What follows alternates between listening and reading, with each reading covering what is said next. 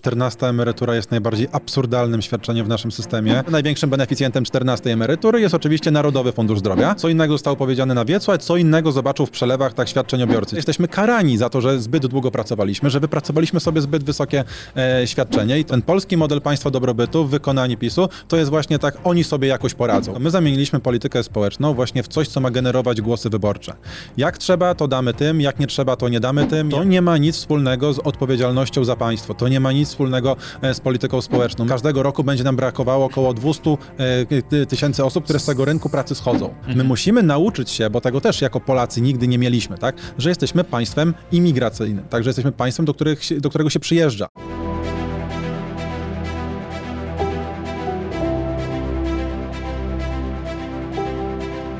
Dzień dobry, Paweł Orlikowski. To kolejna rozmowa tygodnia. Na wstępie powiem, bo znowu zaatakowały nas upały, więc ja w zwykłym t-shircie, a doktor Antoni Kolek no w mm, pełnym Pełnej umundurowaniu. zbroi rynsztunku, tak jest. E, tak jest, więc mam nadzieję, że wybaczą Państwo mi te dysproporcje, jeśli chodzi o, e, o tak zwany outfit, czyli to, co mam na sobie.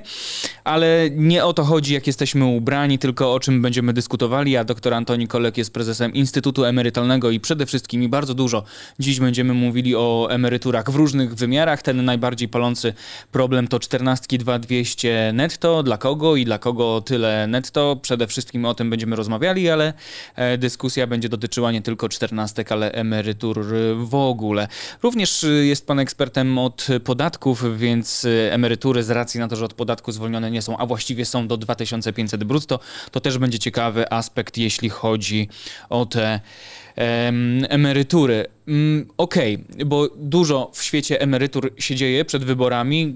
y, Różne ustawy są przepychane lub y, jeszcze będą, ale ta, która rozpaliła opinię publiczną, no to właśnie czternastki. E, W Paradyżu, jak to powiedziałem niedawno, najdroższe dożynki w Polsce. W Paradyżu prezes PiS Jarosław Kaczyński ogłosił, że 2200 netto. Jak pan to widzi, jak pan to czyta? Znaczy tak, y, zaczynając od początku, to 14 emerytura jest najbardziej absurdalnym świadczeniem w naszym systemie. Nie ma tak złego świadczenia, które by tak psuło system emerytalny, właśnie jak ta e, 14. E, Tutaj no, przyczepić się można do wszystkiego, zarówno do tego, kto otrzymuje to świadczenie, w jakiej wysokości, jak to jest ogłaszane, kiedy jest ogłaszane, jak to jest traktowane. E, Więc tak naprawdę my musimy wymyślić na nowo tak, tą, tą 14, jeśli w ogóle chcemy z tym świadczeniem pozostać. Natomiast no, samo świadczenie, e, no, na pewno ci, którzy je dostaną, to się cieszą. Natomiast jest bardzo wiele osób, tak, które mają świadomość tego, że zostali przez państwo oszukani. Pamiętajmy, że nasz system emerytalny został ufundowany na takim przeświadczeniu, że im dłużej pracuję, tym dostanę wyższą emeryturę. No, Tutaj chyba nie ma prawda, żadnych wątpliwości, także tak, przez 20 lat państwo się z nami umawiało. Tak, taki był ten kontrakt e, socjalny, który zawieraliśmy z państwem, że jeżeli będziemy długo pracowali, pracowali legalnie, odprowadzali składki, e, zarabiali więcej, to będziemy mieli w przyszłości wyższą emeryturę.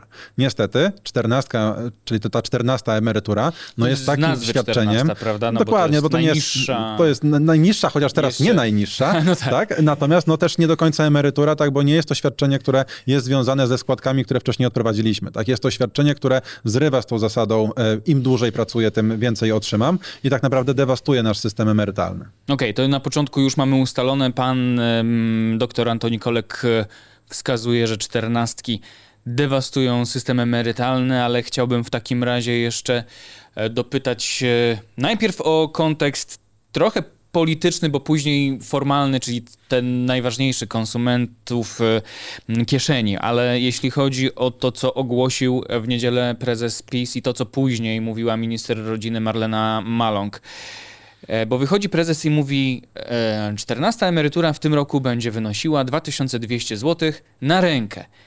I zaczął się pewnego rodzaju problem, pewny, pewnego rodzaju roller coaster w komentarzach ekspertów, opozycji i tak. Izabela Leszczyna, na przykład wiceprzewodnicząca Platformy, wskazała, że prezes się pomylił, ale jak już się pomylił i powiedział netto, to będzie netto. Minister Maląg y, w poniedziałek wychodzi i mówi, że na czternastki z budżetu państwa, czyli z kieszeni nas wszystkich podatników, pójdzie o 9 miliardów złotych więcej niż planowano. E, to jest tyle właśnie kosztuje rzekoma mm, ewentualna pomyłka Kaczyńskiego, 9 miliardów złotych. To znaczy tak, no popatrzmy, że e, w przepisach, w dokumentach, w rozporządzeniu Rady Ministrów jest 2650 zł brutto. To, co zostało zapowiedziane na wiecu, no to zostało jasno powiedziane 2200 netto. E, co prawda tam na wiecu zostało tak powiedziane, że ten, kto ma do 2900, to dostanie 2200 netto, a ten, kto ma 3, to dostanie o 100 zł mniej, mm -hmm, tak? I tam tak, jeszcze prawda było, że państwo rozumiecie tą zasadę, tak? No, no jasne, rozumiemy tą zasadę, tylko nie rozumiemy, jak ktoś dodaje brutto do netto, tak? No bo to mhm. niestety tak nie działa.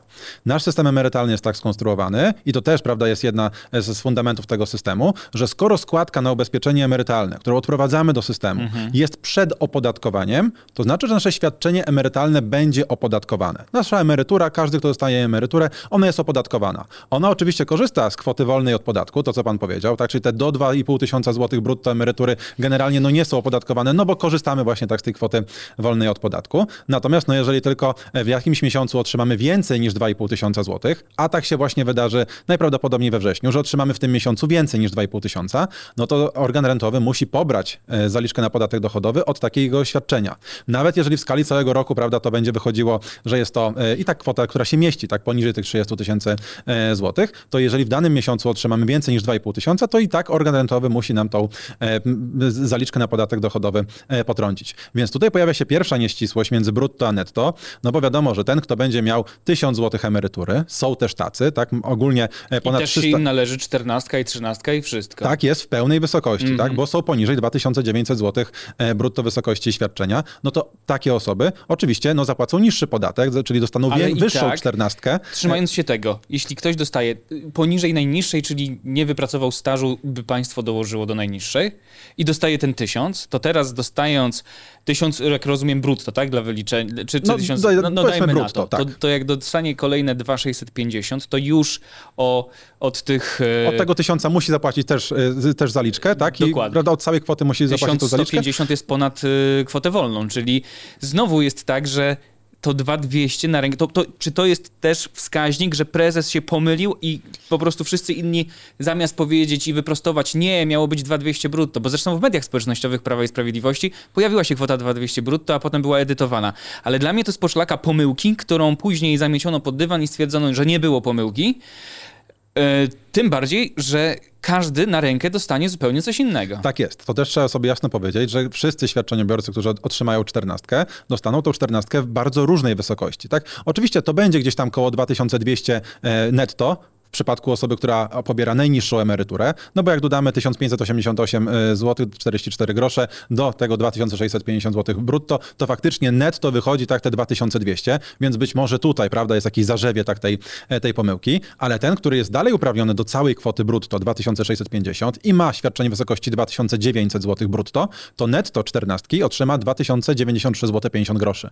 No więc tutaj ta kwota już nie jest bliska, tak, 2200, to jest o 100 zł mniej. Wiadomo, prawda, dla jednego dużo, dla dla innego mało, tak, ale no tutaj już trudno, no prawda, powiedzieć, że zasady, to jest 2200 netto, tak, no to jest o 100 zł mhm. mniej niż 2200 netto. Pamiętajmy też, że największym beneficjentem 14 emerytury jest oczywiście Narodowy Fundusz Zdrowia, bo od każdej 14 emerytury 9% składkę na system ochrony zdrowia przekazujemy. Także to jest ten największy beneficjent te, ten, ten, tego świadczenia. Mhm.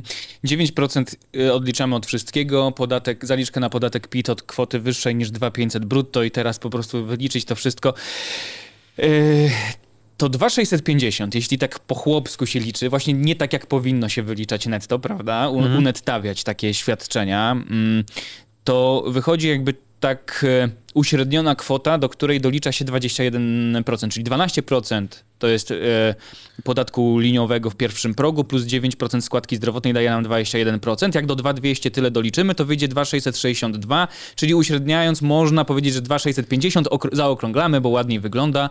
E, zamiast na przykład powiedzmy zwolnić w ogóle z podatku PIT e, 14, doliczyć składkę zdrowotną tak, by po odjęciu od brutto wyszło 2200, czyli to by wyszło około 2420. Ja wiem, te liczby mogą dla Państwa brzmieć po prostu bez sensu, ale chodzi o to, że to nie my wywołaliśmy to zamieszanie, tylko prezes PiS, my chcemy je skomentować i tu już... Tak, zamieszanie jest na pewno, tak, to nie mamy wątpliwości, także co innego zostało powiedziane na wiecu, a co innego zobaczył w przelewach tak świadczeniobiorcy, ci, którzy na tą czternastkę faktycznie czekają. Ja powiedziałem także, e, jeżeli e, nasza emerytura pochodzi ze składki na ubezpieczenie emerytalne, to nie mam wątpliwości, także jest tutaj podstawa do tego, żeby ją opodatkować. Ale czternastka to nie jest świadczenie, które pochodzi ze składki emerytalnej. Na czternastkę składają się wszyscy pracujący, każdy, kto dzisiaj przyszedł do pracy e, i za chwilę na koniec sierpnia otrzyma swoje wynagrodzenie, to jego pracodawca z tego wynagrodzenia będzie musiał przekazać 1,45% na fundusz solidarnościowy. I z tego funduszu solidarnościowego państwo zbiera pieniądze po to, żeby wypłacić właśnie tą czternastkę. Tak, to jest główne źródło e, finansowania 14 emerytury, czyli 1,45% od każdego naszego wynagrodzenia jest przekazywane właśnie jako ta e, składka do funduszu solidarnościowego, z której ta czternastka będzie pochodziła. Oprócz tego w tym roku wyjątkowo jeszcze Fundusz Solidarnościowy wziął tą pożyczkę z Funduszu Rezerwy Demograficznej, więc pewnie coś tam jeszcze zostało, tak? Więc to są te, te środki, które faktycznie pozwolą nam na, na wypłatę tak tej zawyżonej czternastki. Natomiast wracając do tej myśli, skoro czternastka w takim razie nie pochodzi ze składki na ubezpieczenie emerytalne, to mhm. w takim razie sens jej w, w, tym systemie jest trochę inny niż świadczeń, które otrzymujemy co miesiąc. Mhm. To jest trochę bardziej świadczenie socjalne. To jest trochę takie bardziej 500 plus. Mhm. No a jeżeli popatrzymy na 500 plus, no to warto pamiętać, że od 500 plus nie ma podatku. No tak. W związku z tym od 14 emerytury w zeszłym roku też nie było podatku, bo minister finansów zaniechał tego poboru tego podatku. Wtedy to tłumaczono Polskim Ładem, przede wszystkim i tym bardzo, dużym zamieszaniem tak. z Polskim Ładem, że trudno byłoby nawet organom rentowym wyliczyć, ile ta 14 miałaby wtedy wynosić. To Aha. było bardzo skomplikowany rok podatkowy. E, natomiast no, dzisiaj, jeżeli popatrzę na 14 emeryturę, to aż dziwię się, e, że władza na to nie wpadła, tak żeby tą 14 zwolnić e, z podatku, bo to by i rozwiązywało te wątpliwości dotyczące tego 2200 netto brutto, mm -hmm byłoby to łatwiej wytłumaczyć wtedy, że mhm. no jest to netto, tak? E, natomiast no, w, w takiej sytuacji no, trudno może, na to patrzeć. A może to jest tak, że Pan też jest ekspertem podatkowym, nie tylko emerytalnym. Może chodzi o to, żeby nie zwalniać tej czternastki z podatku, tylko na koncie, żeby się tam w miarę to 2200 jako tako zgadzało dla większości beneficjentów, no ale żeby część tego, co prezes chlapnął już musi zostać, wróciło do skarbówki w postaci zaliczek na PIT.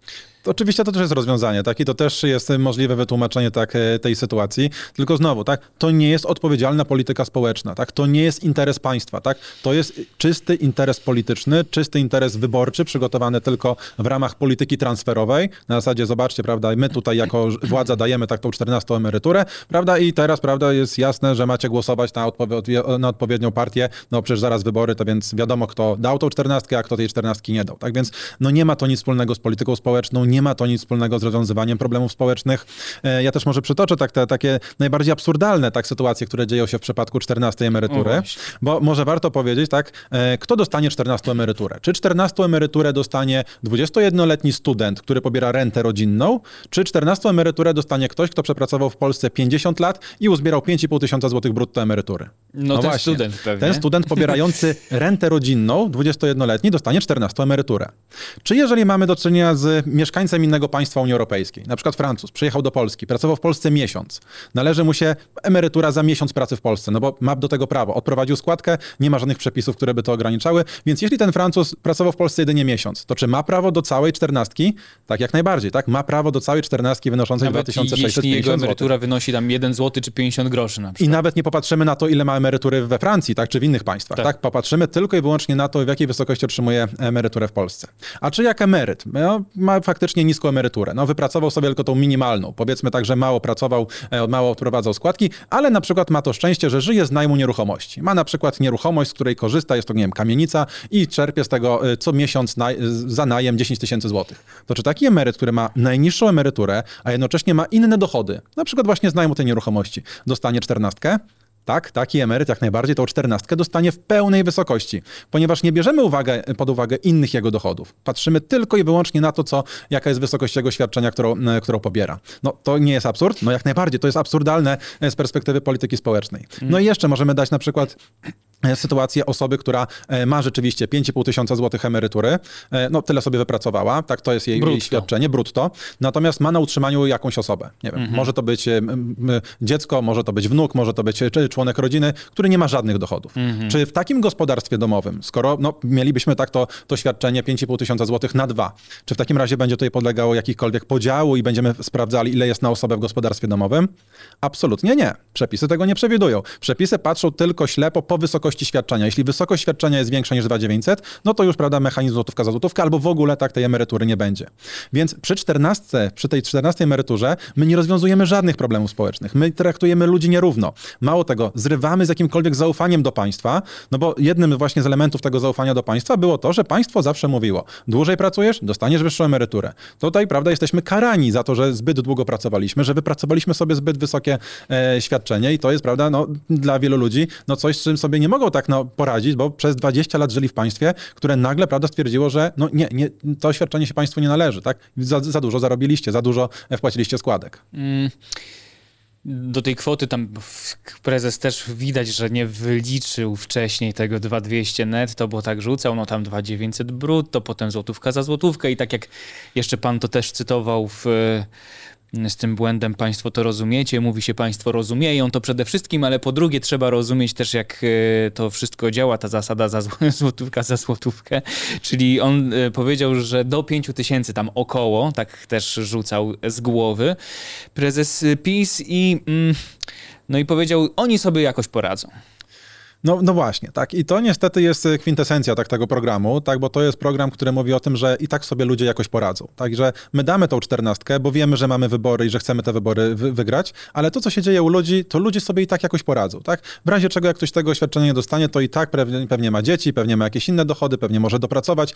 To jest jakby pokazanie polityki społecznej i tego, co PiS jeszcze parę lat temu mówił, tak, o tym polskim modelu państwa dobrobytu. Ten polski model państwa dobrobytu w wykonaniu PiSu, to jest właśnie tak, oni sobie jakoś jakoś poradzą. I Polacy mhm. sobie radzą, tak? To, to jest oczywiste, tak, że ludzie sobie jakoś poradzą, natomiast to, co robi władza, nie ma nic wspólnego z polityką społeczną. Przyzwyczailiśmy się do tego, że już musimy sobie e, po prostu radzić. To jest też tak z tymi czternastkami, że właśnie ta, ta grupa wykluczonych, jak rozumiem, karanych za to, że, że sobie radzili, to jest to 5500. Pan wskazuje na wiele absurdów i, i, i takich wykluczeń. No tylko tyle, że pan, panie doktorze, e, kieruje się rozsądkiem, kieruje, kieruje się logiką, e, kieruje się kondycją finansów publicznych, czyli tego, na co wszyscy składamy się w podatkach. A tu przecież e, chyba jest to ewidentnie e, wrzutka polityczna, wyborcza, to podwyższenie świadczenia, przeciągnięcie do września, a nie tak jak było wcześniej zapowiadane, że w sierpniu i wypłaty tuż przed 15 października, kiedy odbędą się wybory, to chyba naprawdę trzeba być ślepym i bardzo krótkowzrocznym, żeby nie widzieć o co realnie chodzi w tej grze. I te pewne rzeczy, że jakiś ktoś z zagranicy dostanie taką czternastkę, a ten, kto pracował uczciwie, schodzi na dalszy plan w sytuacji, w której gra toczy się o coś innego.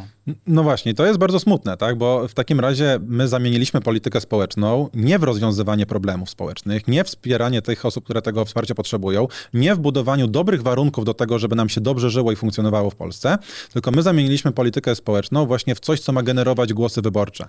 Jak trzeba, to damy tym, jak nie trzeba, to nie damy tym, jak ci będą zbyt głośno e, kontestowali tak rządy obecnej władzy, to tym trzeba będzie coś, coś dosypać, co nie ma nic wspólnego z jakimkolwiek racjonalnym podejmowaniem decyzji decyzji. E, proszę zwrócić uwagę na to, że e, ten koszt tej 14 mhm. emerytury to będzie około 10 miliardów złotych, tak? No 9 miliardów e, złotych. Jeszcze nie tak dawno... Znaczy koszt... Koszty tej dodatkowej 14, do tej dodatkowej części 14 no właśnie, no to, to, emerytury. To, co teraz, prawda? pani minister Maląg sama przyznała od razu uczciwie, no to i tak szacunek, że była w stanie zebrać się na odwagę i powiedzieć 9 miliardów złotych więcej z pani, z pana, z mojej, z pana kieszeni pójdzie na dodatkowe 14. No i teraz no. popatrzmy, tak, bo w takim razie cała czternastka będzie kosztowała około 20 miliardów brutto, tak powiedzmy sobie tak, żeby to było łatwiej. Nie, cała część, cała, cała czternastka, 20 Ile? miliardów brutto. No właśnie. Ta dodatkowa część około 9. Popatrzmy, jeżeli jeszcze dodamy do tego waloryzację dla emerytów, która w tym roku wynosiła około 40 miliardów. Dodamy do tego trzynastkę, no to robi nam się, prawda, coś na poziomie 70 kilku miliardów złotych, co w tym roku zostanie przetransferowane do właśnie tej grupy społecznej. A jeszcze nie tak dawno, e, no, jedna z partii ogłosiła, że chce podnieść 500 plus do 800 plus, druga z partii powiedziała, no to zróbmy to od 1 czerwca, a ta pierwsza partia powiedziała, nie możemy tego zrobić, bo byłoby to nieodpowiedzialne ze względu na stan finansów publicznych. Nie mamy tych około 9 miliardów złotych, które trzeba byłoby przelać tym rodzinom, gdyby podwyższyć 500 plus od 1 czerwca do 800 złotych. No to wtedy było nie to nieodpowiedzialne, tak i niewłaściwe ze względu na stan finansów publicznych, nagle okazuje się, prawda, że ten transfer jest możliwy, jeżeli chodzi o inną grupę społeczną, tak? No to jest znowu antagonizowanie, to jest budowanie społeczeństwa na konflikcie, mówienie o tym tak, że jednym nie możemy podwyższyć, tak, bo się nie da, bo nie ma pieniędzy, a chwilę później, prawda, wychodzenie na wiec i mówienie o tym, ale tej grupie damy, tak, bo tej grupie trzeba zrekompensować wysoką inflację. No to albo jesteśmy no państwem, które buduje wspólnotę, albo jesteśmy państwem, które opiera się na tym, że walczymy tylko o politykę i tylko o przejęcie i utrzymanie władzy. Jeszcze będąc przez chwilę przy czternastkach, a za chwilę ruszymy dalej, bo tematów jest znacznie więcej około emerytalnych, ale skoro właśnie e, pan tu wywołał takie e, kwestie jak to, że na, dla jednych nie ma pieniędzy, a dla drugich jest, no to może to znowu jest obliczenie, kto będzie bardziej skory zagłosować. To znaczy 9 miliardów podnoszących z 500 plus na 800 plus nie zmieni tak sytuacji, jak być może niezdecydowanych ogromnej grup rzeszy osób, które jak dostaną ten przelew na 14 emeryturę, czyli tu wydanie 9 miliardów złotych będzie się bardziej opłacało politycznie na przykład. No właśnie, no i kiedyś e, było takie pojęcie interesu publicznego, tak, że to jest jakiś interes publiczny, jest jakaś racja stanu, także są jakieś wartości, tak, które w państwie są na tyle oczywiste, tak, że nie trzeba o nich dyskutować, także one są no, czymś, co buduje właśnie to państwo, czymś, co buduje to wspólnotę, czymś, co buduje e, jako jakieś racjonalne działanie tak, w, tym, w tym społeczeństwie.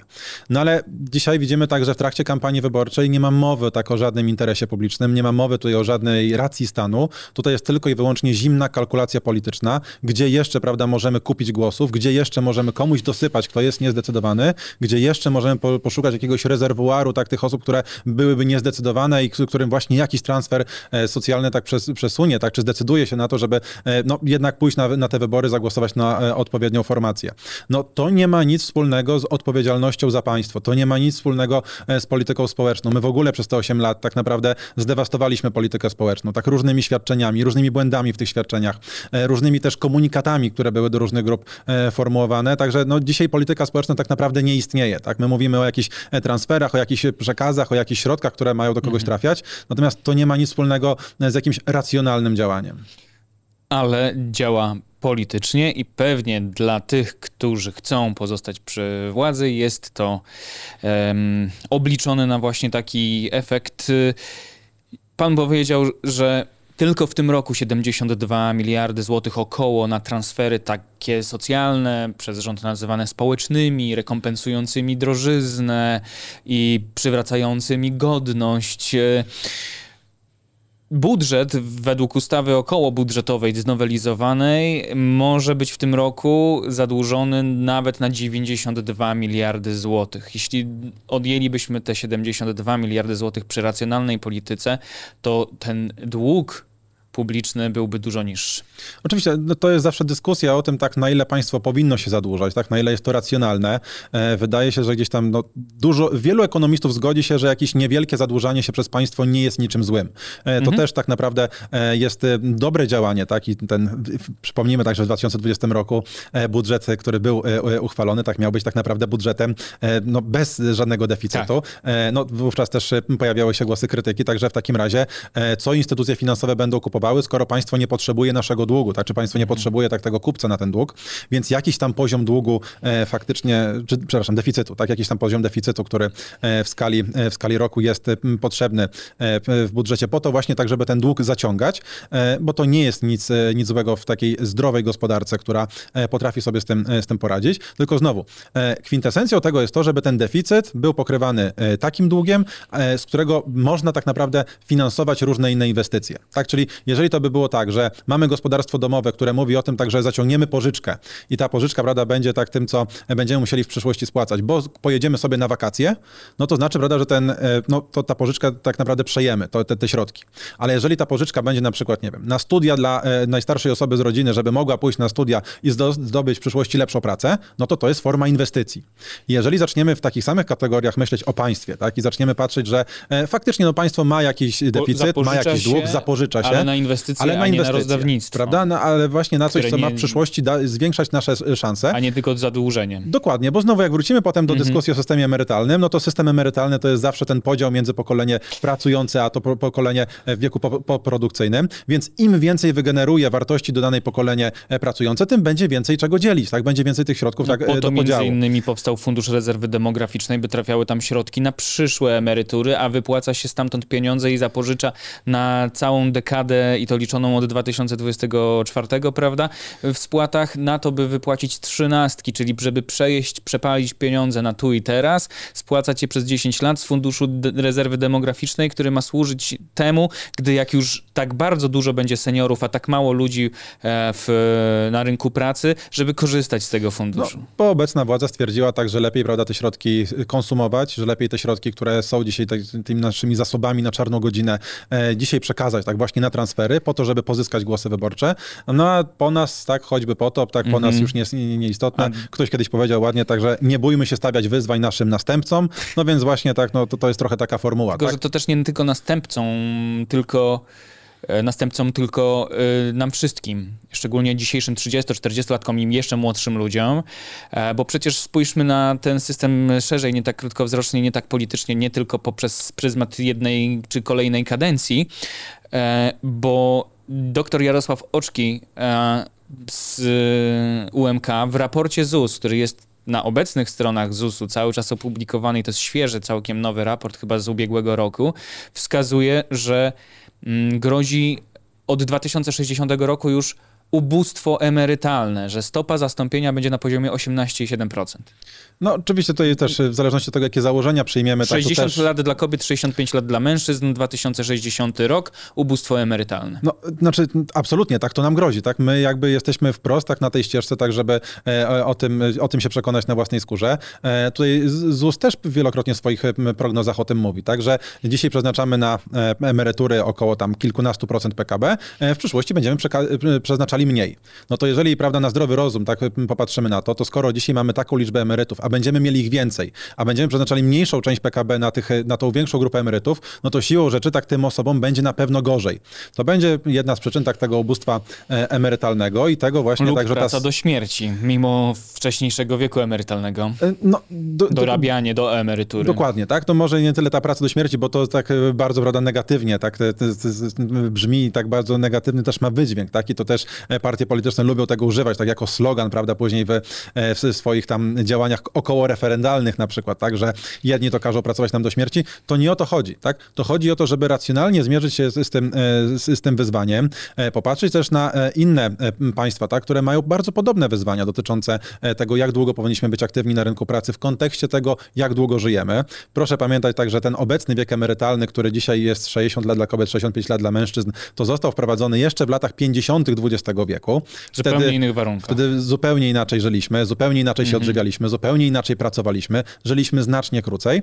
E, przez 70 lat się zmieniło wszystko, inaczej pracujemy, pracujemy w zawodach, które nie wymagają aż takiego e, wysiłku fizycznego, pracujemy e, i żyjemy dużo zdrowiej tak niż, niż wtedy. A to, co się nie zmieniło w Polsce, to dalej tak ten wiek 60-65, mimo że cały Zachód, wszystkie państwa Europy Zachodniej mają tego świadomość, czasami, prawda, przepłacają to jakimiś wydarzeniami społeczno-politycznymi, jak we Francji, ale wszyscy mają świadomość tak tego wyzwania, tak, i odpowiedzialne rządy czasami są w stanie wnieść, wnieść się ponad ten e, no, bardzo populistyczny tak właśnie e, sposób prowadzenia polityki, że to obniżmy, obniżmy, obniżmy wiek emerytalny mhm. i są w stanie prawda, wziąć na siebie tak tą odpowiedzialność. I znowu, e, w najbliższych wyborach być może to przepłacą tak albo E, i ich partyjni koledzy tak przepłacą to e, jakimś e, mniejszym sukcesem, tak niż było to dotychczas. Natomiast z perspektywy całego społeczeństwa, no to jest pewna forma właśnie odpowiedzialności za państwo. Która składka w pensji wzrośnie, by państwo było stać na dopłacanie do choćby najniższych emerytur dla tych kobiet i mężczyzn, którzy wyrobią staż składkowy, a nie wyrobią najniższej krajowej?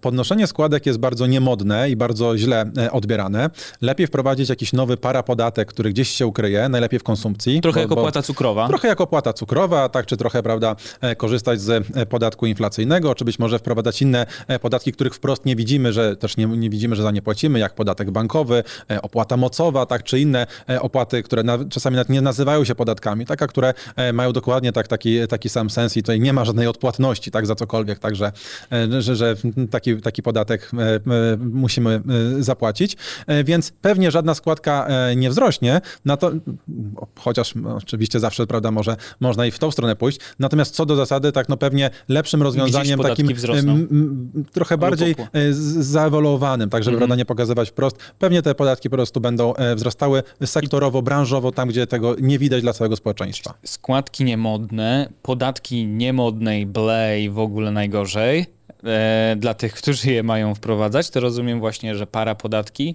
czyli opłaty, które tak brzmią, opłata nie będzie tego, e, nie, nie będzie to nazywane wprost podatkiem, ale będzie obowiązkowe i gdzieś zawsze przerzucone na konsumentów koniec końców. Dokładnie i wtedy, prawda, tak bardzo tego nie widać, a to, że ceny niektórych produktów trochę wzrosną, tak, no to wcale nie oznacza tak, że nie będziemy tych produktów kupować. Napoje słodzone, tak, są też tego, tego dobrym przykładem, mimo, że ich cena bardzo mocno wzrosła jeszcze przed pandemią, tak, kiedy została wprowadzona wprowadzona e, opłata cukrowa, mhm. no to tak naprawdę widzimy także, no konsumpcja tak tych produktów też e, bardzo się nie zmieniła. Zawsze, prawda, są jeszcze inne narzędzia, jest akcyza, tak, która też jest e, co roku tak naprawdę zmieniana, taki dostosowywana tak do pewnych wydarzeń rynkowych, w zależności od tego, tak jaka odpowiednia siła interesariuszy tak ma swoje większe znaczenie, tak, to czasami będzie to akcyza na papierosy, alkohol, no, czy też na inne produkty, ale to wszystko gdzieś tam, prawda, będzie mniej bolało, czy to też będzie łatwiej do wytłumaczenia, niż gdyby, prawda, tak wprost podnieść podatek albo wprost podnieść składkę. Może w ogóle nie trzeba będzie tego tłumaczyć, bo jeśli inflacja nieco struchleje, dościgną te inflacje wynagrodzenia, to potem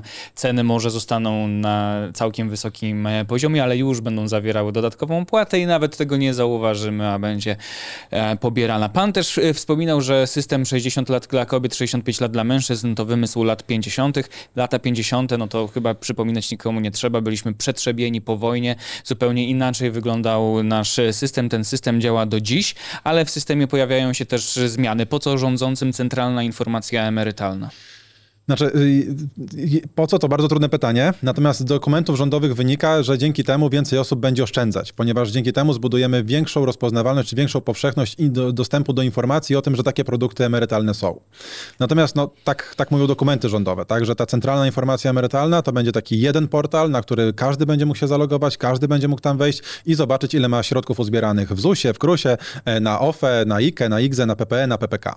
Tylko problem jest gdzie indziej. Tak? Jeżeli ktoś dzisiaj chce dowiedzieć się, ile środków zgromadził w Zakładzie Ubezpieczeń Społecznych na swoim koncie i na subkoncie, to wystarczy, że albo pójdzie do oddziału ZUS-u, albo wejdzie na stronę PUE ZUS.pl i na tej stronie prawda, może się zalogować i zobaczyć dokładnie, ile tych środków już uzbierał w Zakładzie Ubezpieczeń Społecznych. Mało tego, dostanie nawet tam informację o, z kalkulatorem emerytalnym, tak. ile hipotetycznie jego emerytura będzie e, w przyszłości wyno, e, wynosiła. No i może dokładnie, też sobie obliczyć, oszacować, ile będą wychodziły zarobki. Przy różnych parametrach, dokładnie. dokładnie, prawda, może sobie to pozmieniać, tak, zobaczyć, jak to będzie działało. Dokładnie taka sama funkcjonalność ma być na tej centralnej informacji emerytalnej.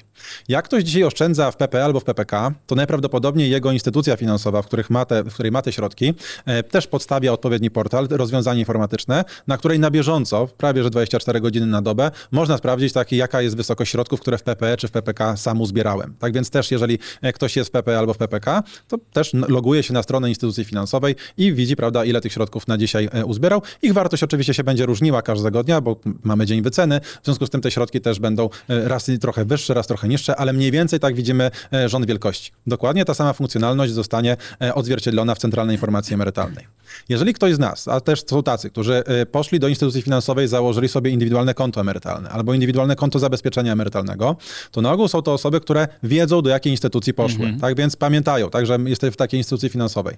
Ta instytucja finansowa na ogół przy zawieraniu umowy też dała odpowiednie rozwiązanie informatyczne, czy to jest aplikacja, czy to jest strona internetowa, tak, czy to jest jakiś tam portal, na który też można się zalogować i zobaczyć, ile tych środków e, mamy. No chyba, że ktoś, prawda, wybrał biuro maklerskie, no to pewnie jeszcze częściej, tak, zagląda na tą aplikację, bo tam, prawda, coraz... No X to właściwie, no przynajmniej, nie wiem, w moim banku, jak mam indywidualne konto zabezpieczenia emerytalnego, jest przypisane do konta maklerskiego. Więc pewnie tam też e, warto często zaglądać, tak, żeby widzieć, tak, co, co się dzieje. Może to nie jest najlepsza strategia inwestowania, ale pewnie z nawet czystej ciekawości to się robi. Tak. No i teraz te wszystkie informacje będą w tej centralnej informacji emerytalnej, tak, czyli na tym jednym portalu. Czyli zamiast logować się tam 3, 4, 5, 6 razy, mhm. zaloguje się raz. No to jest ta wartość dodana tak z tej, z, z no tej właśnie, centralnej panie informacji. doktorze, szczerze mówiąc, wymienił pan cały szereg miejsc, w których można odkładać na emeryturę. Dodam tylko, że PUEZUS, ten system, e, platforma usług elektronicznych Zakładu Ubezpieczeń e, Społecznych, bo tak ten, e, tak enigmę trzeba rozwinąć, jest tak toporna i, wygląda, i, i, i no, w dobie internetu przedpotopowa wygląda jakby była tworzona w 1995 roku w garażu. Więc nie kłóciłbym się. Poza tym, jeśli ktoś ma IKE gdzie indziej, XE gdzie indziej, albo ma to, ale ma też na przykład PPK e, i ten trzeci filar ma rozproszony, no to nie kłóciłbym się z tym, że mam jedną centralną informację, do której loguję się, czy to ze smartfona, czy, czy przez komputer i widzę to wszystko rozgraniczone i łączne. widzę, jak tam na przykład przybywają mi te oszczędności. Nie kłóciłbym się z tym, tylko Dlaczego rząd wprowadzając coś, co ma z reguły być dobre, nie pozbawia się prawa wglądu do tego? No tak, no to jest pierwsza rzecz oczywiście, tak, kto będzie miał do tego dostęp, tak? Czy to też y, państwo, czy to też władze, czy na przykład ministrowie projektujący nowe, e, nowe ustawy, nowe reformy nie będą mieli do tego wglądu, czy nie będą mieli do tego wglądu indywidualnego, czy też z jakiegokolwiek zagregowanego, ale takiego jednak, który mógłby w jakiś sposób znowu e, nadszarpnąć zaufanie do, do, do państwa, chociażby poprzez to, e, że zostaną wprowadzone takie regulacje, które E, dla na przykład emerytury minimalnej, tak, będą wprowadzały jakieś inne e, przepisy, niekoniecznie e, zbieżne z interesem tak tych oszczędzających. Dlaczego o tym mówię? Tak, bo w jednej z ustaw dotyczących likwidacji otwartych funduszy emerytalnych, która przed pandemią, czy w okolicach pandemii tak była procedowana, takie przepisy się pojawiły. Także te środki, które były dotychczas w OFE, nawet jak zostaną przesunięte na IKE+, to i tak te środki będą brane pod uwagę przy ustaleniu prawa do najniższej emerytury. Inaczej mówiąc, no niby rząd prywatyzuje środki z OFE na IKE, tak, tak to wtedy miało e, wyglądać. Na szczęście te ustawy upadły, tak, ale rząd niby prywatyzuje te, te środki, oddaje je nam, ale jednocześnie mówi, to są środki znaczone. Jak będziesz przechodził na emeryturę, to te środki będą brane pod uwagę do ustalenia twojej emerytury najniższej. Czyli jako emerytura będzie na przykład wynosiła 1000 zł, a z tych środków będzie 100, no to będzie razem 1100. Więc ta dopłata do najniższej emerytury będzie o 100 zł dla rządu niższa, tak? No bo przecież to 100 zł i tak Czyli... już e, w systemie jest. Mm. Więc z perspektywy osób, które oszczędzają, no trochę zapala się taka lampka, no ale to chwila, to skoro można to zrobić z tymi środkami na IKE, to czemu nie można tego zrobić z tymi środkami PPE, PPK, IKE, IGZE, tak? Czy na pewno w takim razie racjonalnym jest oszczędzanie? Czy ktoś w przyszłości nie wpadnie tak na to, że skoro ktoś ma za dobrze, no to może trzeba mu doliczać, tak? Te oszczędności, które ma też w innych częściach systemu emerytalnego. Przecież system emerytalny to jest część zabezpieczenia społecznego. Państwo za to e, odpowiada. Państwo ma pewne preferencje, czy daje pewne preferencje, jeśli chodzi o oszczędzanie w PPE, w PPK, czy na IKE, czy na IGZE. W związku z tym państwo ma też pewne uprawnienia do tego, żeby decydować, w jaki sposób będzie kształtowana najniższa ustawowa emerytura. I tutaj, prawda, ta centralna informacja emerytalna może być takim pierwszym krokiem, który w przyszłości pozwoli to zmienić. Mhm. Tu znowu pada taka sugestia z pana doktora strony, tak jak w przypadku zarabiających 5500 brutto i 14, że są karani za to, że byli zaradni e, i, i, zarabiali więcej, no to tu jeszcze bardziej niż przy, w przypadku 14, bo jeśli umówimy się, że okej, okay, no to może naprawdę byli zaradni i ta 14 nie będzie im potrzebna, a pan już w ogóle to wskazał, że 14 najlepiej, żeby w ogóle nie było, no to już karanie za oszczędzanie na emeryturę, gdzie tyle się apeluje, ZUS, profesor Gertruda Uścińska, prezes ZUS-u często mówi, pracujcie dłużej, żeby wyższa była emerytura z ZUS-u, ale odkładajcie jak najwięcej.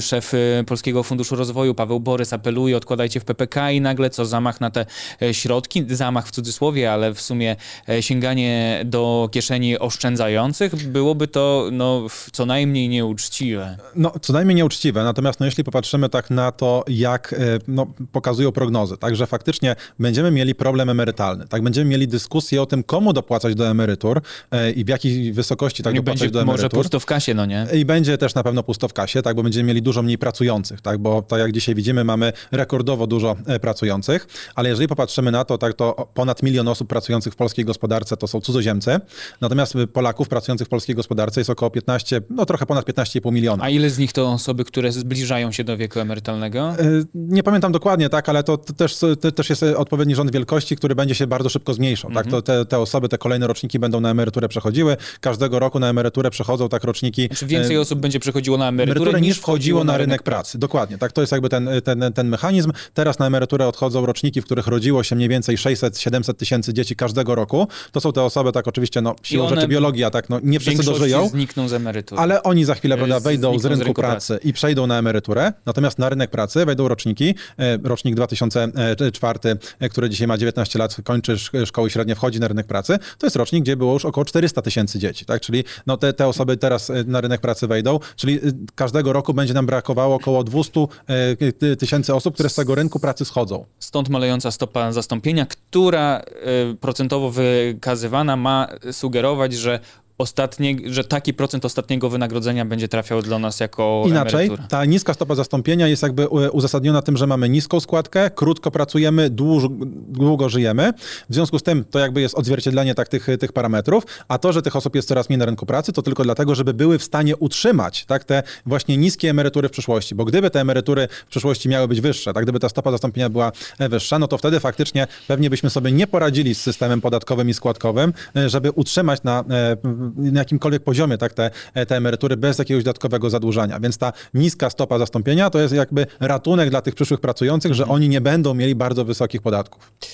Za chwilę jeszcze o metodach na oszczędzanie na emeryturę. Jeden jest nowy, czyli OIP, tak zwana europejska emerytura i powie pan o tym szerzej. E, tutaj też e, senackie weto, podobnie jak w przypadku Centralnej Informacji Emerytalnej odrzucone, ale akurat ten projekt, jeśli chodzi o samą w sobie europejską emeryturę, poza przepychaniem przy okazji innych przepisów, sama europejska emerytura jest e, chyba, wydaje się, całkiem e, słuszna i sensowna, ale to za chwilę pan e, rozwinie, ale jeszcze gdy jesteśmy przy tym e, systemie emerytalnym i tak jak pan e, wspomina o tej stopie zastąpienia, coraz więcej um, osób e, starzejących się, to jest fakt. Cudzoziemcy mogliby tu ratować sytuację, w sensie jak dużo ich potrzebujemy, by, by Już dziury... ratują, już ratują, tak? E, w Polsce pracuje ponad milion cudzoziemców, pracuje legalnie, tak? Bo ile nielegalnie, tak to nie jesteśmy w stanie oczywiście dokładnie e, powiedzieć. Też tutaj są takie tendencje, także widzimy, że rzeczywiście e, nagle jak, pojawił się jakiś boom, jeśli chodzi o cudzoziemców w Niemczech.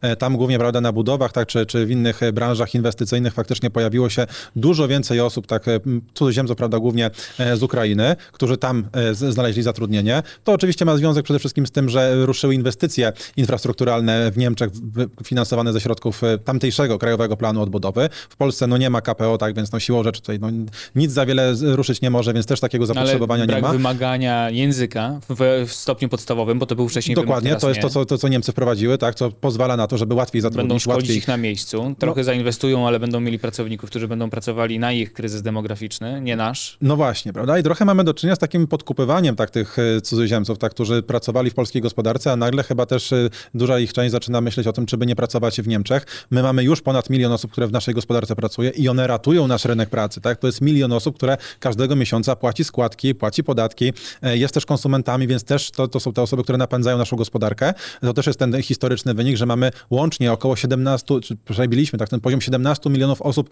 e, aktywnych e, w naszej, e, w naszej gospodarce, na naszym rynku pracy. To jest rekord, tak? Nigdy nam się tak dobrze nie żyło, więc póki co jest sytuacja bardzo dobra. Ta mhm. bardzo dobra sytuacja jest między innymi dlatego właśnie, że no znowu ktoś powie wpuściliśmy, ktoś powie, że zatrudniliśmy, ktoś powie, że pracodawcy zatrudnili, znaleźli pracę tak dla tak dużej grupy osób, ale no dzięki temu tak na, też system ubezpieczeń społecznych póki co ma tak, tak się dobrze. Mhm. Jakby te osoby zniknęły, to zostajemy, prawda, w sytuacji, kiedy mamy rekordowo mało pracujących w polskiej gospodarce Polaków.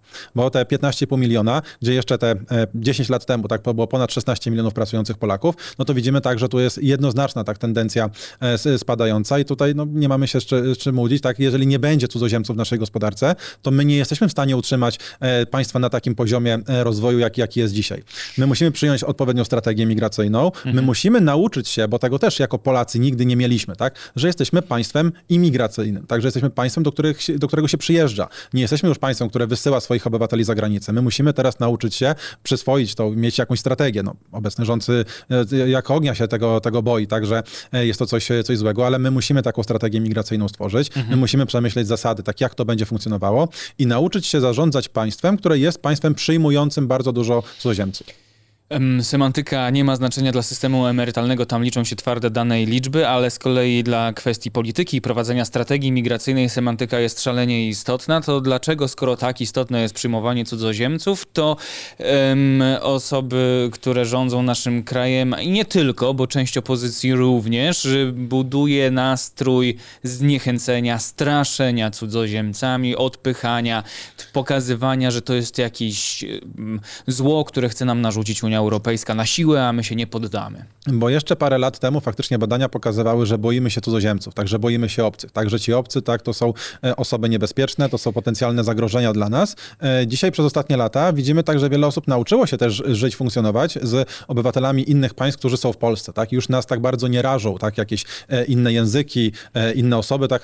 O innym kolorze skóry na przykład na ulicach, jak było to kilka czy kilkanaście lat temu, tak? Wtedy to było czymś dziwnym, tak? Czymś, co mogło wiązać się z jakimś tam wytykaniem palcami, Polackami. Dzisiaj coraz więcej osób na zasadzie uznaje, także są to tak samo obywatele, są to tak mhm. samo osoby jak, jak wszyscy inni, tak, którzy w tym państwie e, Tylko, że gdy politycy potęgują tego, bo pan tu mówił o strategii, więc chyba lepiej oswajać i edukować, a nie e, antagonizować, jak już tutaj Ależ padło też to słowo. Oczywiście, tak, i to, to jest jak najbardziej, my musimy długotrwale tak się nauczyć żyć w takim społeczeństwie, tak. Nie wiem, czy to będzie społeczeństwo, które będzie bardziej asymilowało, tak, cudzoziemców, mm -hmm. czy to będzie społeczeństwo jakiejś tam, no, częściowej dyskryminacji, tak, wobec tych, tych osób, czyli nie będą miały pełni praw, nie będą mogły ze wszystkiego e, korzystać, tak z tego co obywatele, czy będzie to społeczeństwo jakichś dwóch kategorii, dwóch klas, tak, e, osób, które e, mają różne uprawnienia, to wszystko, prawda, musi być przed nami jako, jako decyzja. Bardzo trudno tak powiedzieć, to też w którą jest, stronę to pójdzie, jest, tak jest. jest um... Natomiast no, my musimy się nauczyć, tak, i musimy podjąć taką decyzję, co my mamy tak naprawdę tak z, z tym zrobić. Wiemy, że tych cudzoziemców już jest bardzo dużo, wiemy, że najprawdopodobniej będzie ich przybywało, będzie ich więcej, bo nasza gospodarka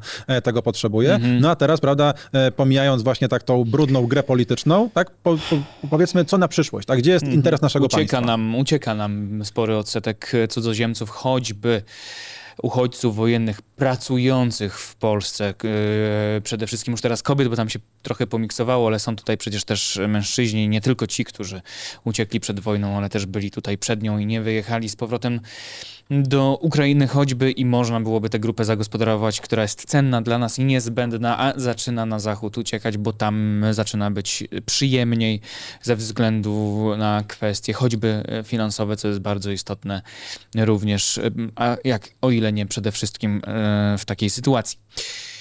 Ogólnoeuropejski indywidualny produkt emerytalny, czyli nazywana potocznie europejską emeryturą, program, który pewnie bliski jest IKE, a może nawet bardziej IGZE polskiemu, ale jest europejski. Co to znaczy? Będzie, no też czeka na podpis prezydenta, ale też raczej tylko formalność. Raczej tylko formalność, taki faktycznie już lada moment, e, pewnie od przyszłego roku to będziemy realnie tak mogli e, korzystać z tak zwanej właśnie tej ogólnoeuropejskiej, e, ogólnoeuropejskiego indywidualnego produktu emerytalnego. To jest coś jak IKE, tak, tylko zbudowane na podstawie innego fundamentu aksjologicznego. Unia Europejska jest zbudowana tak wokół właśnie tak tych czterech swobód, między innymi swobody przepływu osób, czyli każdy z nas, no, co do zasady jako obywatel Unii Europejskiej ma prawo jechać do innego kraju, tam zająć się pracą, tam e, zająć się e, prowadzeniem swojej działalności gospodarczej, ma prawo tam e, żyć, funkcjonować i to jest jedna właśnie z tych Też ma prawo pobierać emeryturę. Też później. ma prawo oczywiście korzystać tak z innych uprawnień socjalnych. Tutaj dokładnie. wszystkie przepisy o niemieckiego koordynacji. 500 plus, powiedzmy, niemieckiego 500 plus, tak, czy, mm -hmm. czy, czy, czy jakichkolwiek innych świadczeń tak. z, inny, z innych państw. I żeby wyjść naprzeciw pewnym wyzwaniom, które pojawiły się w trakcie tak, realizacji tego prawa do swobodnego przepływu osób, no to trzeba było stworzyć jakieś rozwiązanie związane z dodatkowym oszczędzaniem. No bo okazywało się tak, że wiele osób nie oszczędza dodatkowo, właśnie dlatego, że jak przez parę lat pracuje na przykład w Niemczech, a potem przez parę lat we Francji, a potem przez parę lat w Hiszpanii, a potem przez parę lat we Włoszech i wracam na emeryturę do Polski, no to taka osoba miałaby to indywidualne konto emerytalne, to dodatkowe oszczędzanie w każdym z tych krajów. Mhm. Tutaj pojawiały się problemy zarówno e, jak te środki wypłacać, na jaki rachunek, jak je opodatkować, czy to się w ogóle opłaca, czy nie będą podwójnie opodatkowane i tak dalej, i tak dalej. Wiele takich bardzo e, prozaicznych zagadnień, które w skrócie mówiąc polegały na tym tak, że wiele osób nie oszczędzało. Tak, no bo skoro ja mam oszczędzać w, tutaj w jakimś nowym państwie, w którym ja nie wiem, czy będę mieszkał rok, dwa lata, czy, czy, czy pięć, to mhm. ja w mhm. ogóle przestaję oszczędzać. Więc żeby usunąć tak tą barierę, to Unia Europejska, Komisja Europejska zdecydowała się właśnie wprowadzi taki paneuropejski e, produkt emerytalny, bo to też tak, tak się czasami e, nazywa, e, który ma być dedykowany właśnie dla wszystkich obywateli Unii Europejskiej, którzy chcą pracować, chcą Ale przemieszczać się w różnych państwach. Właśnie, czy to jest produkt wyłącznie dla obieży światów takich zawodowych, nie, nieturystycznych, którzy zmieniają te miejsca pracy nie, nie tylko jeśli chodzi o miasto, tylko po prostu mhm. cały kraj? Czy na przykład dla osób, które są w Polsce też jest jakaś korzyść ze skorzystania z tego OIP? Jak najbardziej też możemy z tego OIP korzystać, jeżeli nawet nie, nie, nie planujemy się przeprowadzać, nie planujemy pracować w innym państwie, jeżeli całą naszą karierę zawodową będziemy w jednym państwie, na przykład tylko w Polsce, mhm. to jak najbardziej tak też możemy z OIP korzystać. Tutaj rozwiązania są podobne do IKE i można posiadać, prawda, jednocześnie tak to e, ten, to, ten i ten e, produkt. E, tak zwiększając samo, sobie też zwiększając tak naprawdę naprawdę limity, limit, tak, który, bo, prawda, bo, bo mając jest... i IKX, i OIP, to już wtedy dla osób najlepiej sytuowanych. OIP, rozumiem, że średnia, znaczy ten limit jest ustalany w euro, ale przeliczany na złote. Mm, na ten rok jakby licząc, czyli 23, 2023, to by było około 20,5 tysiąca Znaczy to jest tak, dokładnie trzykrotno, trzykrotność przeciętnego miesięcznego wynagrodzenia, tak więc to jest co do zasady tak tutaj na, na, na gruncie naszych polskich przepisów, Aha, więc to jest około 20, 21 tysięcy mniej więcej, tak. W przyszłym roku oczywiście będzie więcej, tak, bo ale rośnie nam przeciętne i dalej ta trzykrotność tak, to będzie trochę więcej. w złotych będę miał je w złotych, czy one są przeliczane jakoś walutowane? A to już zależy od tego, jaką jaką instytucję finansową wybierzemy i gdzie my tak naprawdę, te, te, z czego my tak naprawdę będziemy korzystali.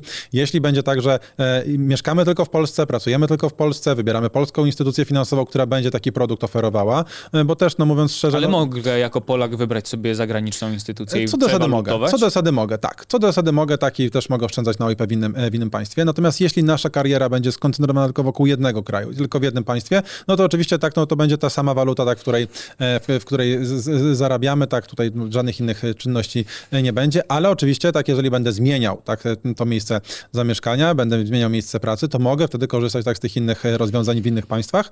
E, tutaj ta ustawa, która, e, która jest, ona tak naprawdę doprecyzowuje e, i wprowadza tak do polskiego porządku prawnego pewne elementy nadzoru, ale też właśnie wyjaśnienia tak, jak to OIP ma być, jak, jak ono ma funkcjonować. Ono będzie co zasady korzystne, bo środki, które w tym OIP będziemy przekazywali, to mhm. są środki z naszego wynagrodzenia już po podatku, więc co do zasady nie zapłacimy żadnego podatku e, na wejściu tak do, do tego e, OIP, jak też jeśli dowieziemy te środki do, euro, no właśnie, do dobre, emerytury, dobre to też prawda, nie zapłacimy tutaj żadnego podatku, nawet że, podatku belki. Że podatek przecież od środków zarobionych już zostało zapłacony, więc znowu podwójna byłaby strata wpłac deponując te środki, ale tam rozumiem też jest zasada, że to na emeryturę, czyli po osiągnięciu tak. wieku jest emerytalnego. Co do, co do zasady 60 rok życia, tak jako ten moment, tak kiedy można wypłacać bezstratnie, tak jest, tak. powiedzmy.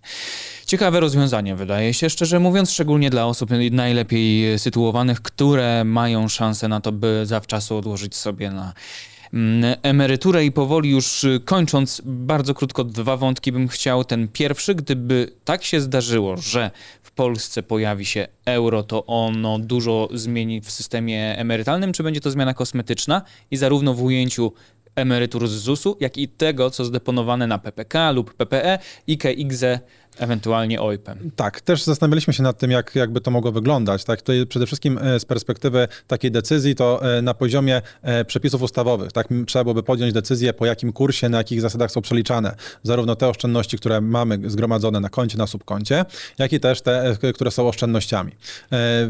Inne państwa mniej więcej prawda, kierowały się takim dość prostym przeliczeniem. Tak, czy te państwa, które wprowadzały euro no już po Chorwacja tym, na przykład.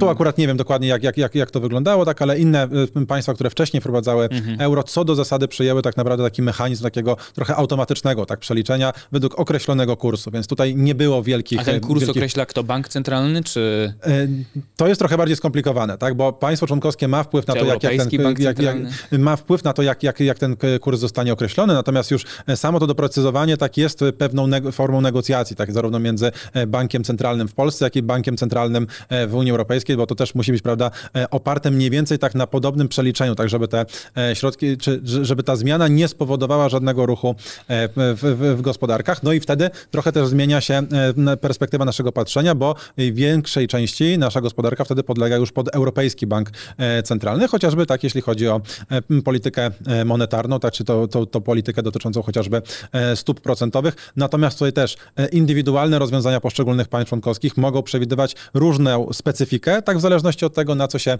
e, finalnie politycy e, zdecydują. Mhm. Więc e, to nie jest jakaś transakcja bardzo skomplikowana, nie jest bardzo trudna. Ona oczywiście wymaga przygotowania, taki przemyślenia tak pewnych, pewnych danych i pewnych wartości, ale co do zasady ona jest do przeprowadzenia w miarę, w miarę bezpiecznie. Gospodarka musi na to pozwolić, no trzeba dokładnie. spełnić pewne, pewnie jak to w Unii Europejskiej, kamien, europejskiej kamienie milowe, po prostu Tam mamy trzeba... kryteria z Maastricht, tak? Dokładnie. Węgry już ogłosiły, ale gdzieś tam się snuje wizję, że po 2030 była to też pewnego rodzaju wrzutka, pewnie by ugładzić Komisję Europejską i wpłynąć na środki z Krajowego Planu Odbudowy.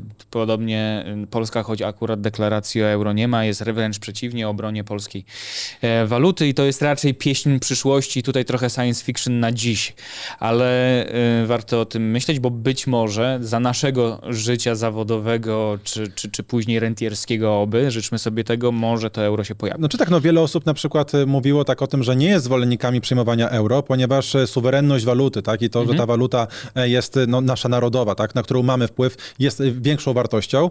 Natomiast no, wydaje się tak, że obecna Rada Polityki Pieniężnej i obecny prezes Narodowego Banku Polskiego bardzo mocno wytrącił tak ten argument, że nawet jeżeli nasza waluta jest suwerenna, ale jeżeli są podejmowane złe decyzje w polityce monetarnej, no to czasami, prawda, nawet może lepiej byłoby, prawda, e, myśleć o tym tak, czy, czy naprawdę ta suwerenność to jest, e, jest oczywiście wartością, tak? tak. I jak najbardziej też trzeba tak na, na, na, to patrzeć, ale czy to jest na pewno bezpieczne, tak z perspektywy naszych portfeli? No tylko też nie jest tak, że za euro czy dolara płacimy złoty 50, tylko powyżej 4, czasami blisko 5 złotych. Y, no też 2008 y, rok i kryzys finansowy, który rozlał się również po Unii Europejskiej i strefie euro, jednak w kontekście kryzysu, który, e, który był przed chwilą, czyli tego związanego z pandemią i wojną w Ukrainie, pokazał, że chyba lekcje zostały wyciągnięte, bo patrząc ogólnie na strefę euro i poziom inflacji wobec tego, co dzieje się w suwerennej e, walucie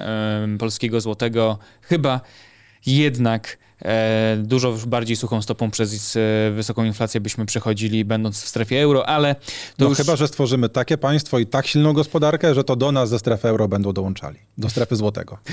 Trochę się uśmiecham, ale chciałbym i może warto mieć marzenia aż takie. No dobra. Yy, I tak krótko, bo wydaje mi się, że w Centralnej Informacji Emerytalnej nie będzie informacji, nie chcę tutaj nikomu podpowiadać, bo może się tam pojawi, o obligacjach emerytalnych. E, najprawdopodobniej nie, tak, no tutaj to już jest coś, co prawda mamy indywidualnie, tak, to nie jest jakby element tak tego trójfilarowego systemu. systemu emerytalnego, więc być może nie zostało to zauważone tak e, specjalnie albo niespecjalnie. E, no ale no faktycznie tak, no chyba takiej informacji tam nie będzie. Oby jak najdłużej nie, bo obligacje skarbowe, emerytalne te najbardziej pewne, bo nie mówię o, o tych um, prywatnych, tak zwanych e, tam bankowych czy korporacyjnych już nie daj Boże, ale jeśli chodzi o obligacje e, skarbowe, czyli e, to, że państwo od nas pożycza pieniądze, a potem oddaje nam e, część i często indeksowaną wobec inflacji. E, są kilkulatki, ale są też nastoletnie. Mogłyby być dobrym sposobem i uniknięciem ewe ewentualnych problemów przy wypłacie związanych z, z tym, że będzie w systemie widać, że e, do najniższej nie trzeba dosypać, chociaż z drugiej strony akurat to już jest inwestycja i tam podatek belki zapłacić trzeba będzie. E, no najprawdopodobniej tak, oczywiście zobaczymy, może się zmienią przepisy. Tutaj też e, różne partie startujące obecnie w wyborach też różnie patrzą tak na ten podatek belki, więc może jednak coś tutaj się też, też zmieni. Oby, szczególnie od obligacji emerytalnych, bo one mają służyć temu, żeby wyręczyć państwo z obowiązku częściowego przynajmniej utrzymywania przyszłych emerytek i emerytów. E, no ale to oczywiście e, wszystko e, przed nami. Mam nadzieję, że mądre polityczne głowy będą też o tym myślały. Doktor Antoni Kolek, prezes Instytutu Emerytalnego, był gościem rozmowy tygodnia. Bardzo dziękuję. Dziękuję bardzo. Ja nazywam się Paweł Orlikowski. Krótki apel. Jeśli się Państwu podobało, proszę zostawiać tak zwane suby, jak to mówimy na YouTubie, czyli subskrypcje, łapki ewentualne, czyli kciuki w górę też się przydadzą, komentarze. To wszystko pozwoli nam docierać do jak największej liczby osób e, i produkować jak najwięcej e, dobrych e, treści i jakościowych dla Państwa. Bardzo dziękuję dziękuję. Paweł Ordikowski, rozmowa tygodnia wraca za tydzień. Do zobaczenia, do usłyszenia.